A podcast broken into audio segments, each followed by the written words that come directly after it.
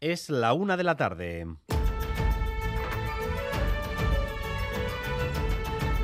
Crónica de Euskadi con Dani Álvarez. A Rachaldeón, el pacto educativo, el pacto de más del 90% del Parlamento, el que estaba llamado a transformar la educación vasca, sufre grietas serias en las últimas 12 horas.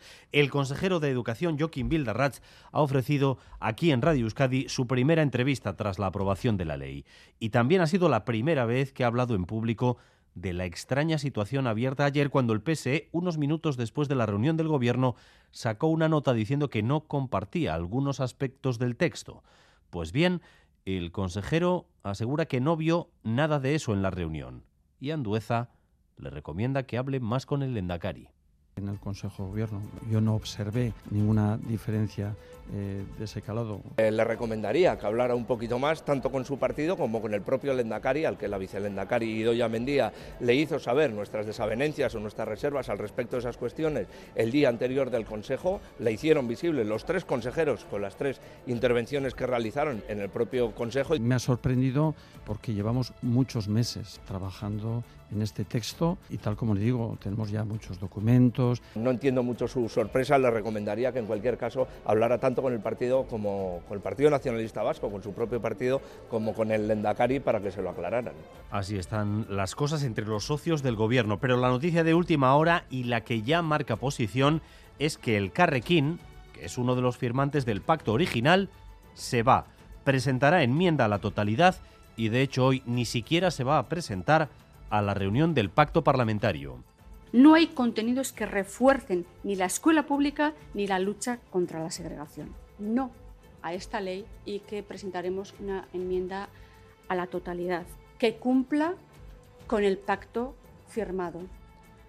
Con este panorama, a las tres y media está prevista una reunión de seguimiento del pacto en el Parlamento. A él acudirán representantes de todos los grupos parlamentarios, salvo el Carrequín. Por tanto, el acuerdo del más, de más del 90% va perdiendo apoyos, unos en duda el PSE, otros en contra, el Carrequín. El único que está cómodo, bastante cómodo de momento, es Euskal Herria Bildu. Podemos decir que en el proyecto de ley aprobado el día de ayer por el Gobierno observamos cambios fundamentales en la buena dirección. En este proyecto de ley hay bases suficientes para dar comienzo al debate parlamentario y llegar a una buena ley de educación en esta legislatura.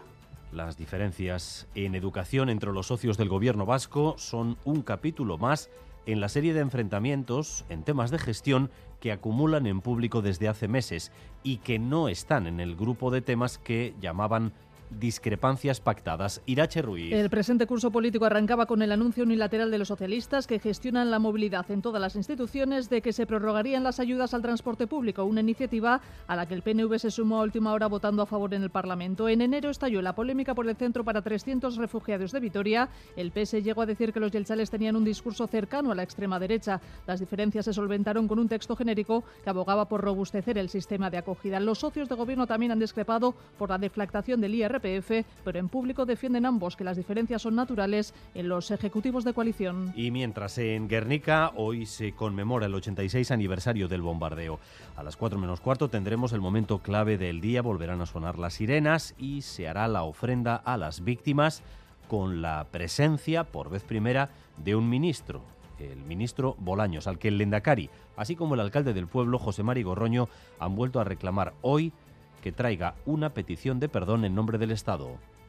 Nunca debieron ocurrir aquellos ataques y a un Estado democrático le toca y debe asumir liderar ese reconocimiento. Este gesto sigue estando pendiente. Hoy se va a dar un paso más. Va a estar el ministro de Presidencia y Memoria Democrática y ahora necesitamos que oficialmente se diga quién ordenó ese bombardeo. Se han entregado los premios Guernica este año para las comisiones de la verdad de Argentina, Sudáfrica, Timor-Leste y Colombia.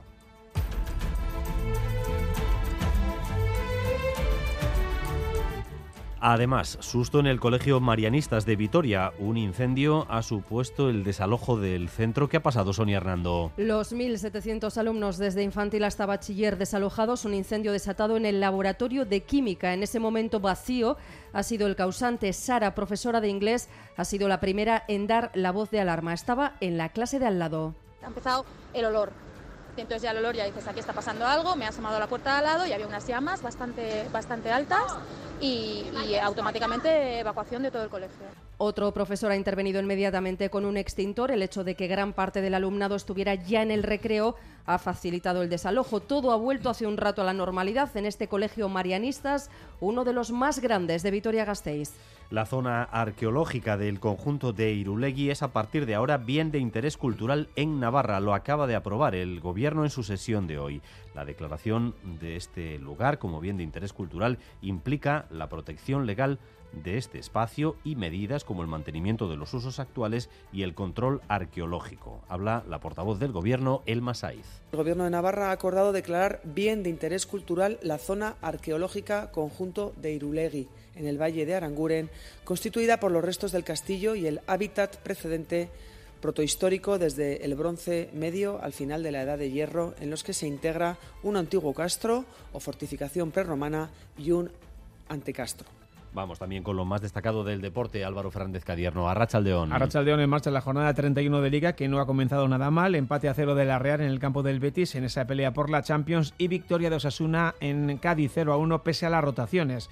De cara hoy tenemos baloncesto en Miribilla, se juega Bilbao Basket Tenerife y además lo Guernica ha confirmado la vuelta de Mario López al banquillo del equipo. En cuanto al tráfico, dos puntos con problemas, los dos en la AP8 y los dos en Guipúzcoa. El primero de ellos entre Zarauz y Zumaya en sentido hacia Bilbao. Un camión ha perdido la carga de troncos que transportaba y aunque se ha abierto un carril en sentido insistimos, hacia Bilbao, hay retenciones de al menos 3 kilómetros según el Departamento de Seguridad. Entre Zarauz y Zumaya, sentido Bilbao AP8. Y después tenemos los problemas ya diarios en Irún, también en sentido hacia Bilbao en la AP8, eh, debido a las obras que obligan a cortar un carril. También en esa zona hay una caravana. En cuanto al tiempo, de momento sin cambios, aunque de cara a última hora los cielos volverán a cubrirse y no se descarta que pueda haber alguna precipitación aislada. No serán lluvias importantes. Lo que sí se va notando ya es la subida de las temperaturas. Empezamos a estar eh, alrededor de los 20 grados o incluso por encima. En Bilbao, de hecho, hay ya 23 grados de temperatura, 20 en Pamplona o en Vitoria-Gasteiz, 19 Bayona, 18 grados de temperatura en Donostia. Gracias un día más por elegir Radio Euskadi y Radio Vitoria para informarse. Raúl González y José Ignacio Revuelta se encargan de la dirección técnica y Aichiber Bilbao de la coordinación. Crónica de Euskadi con Dani Álvarez.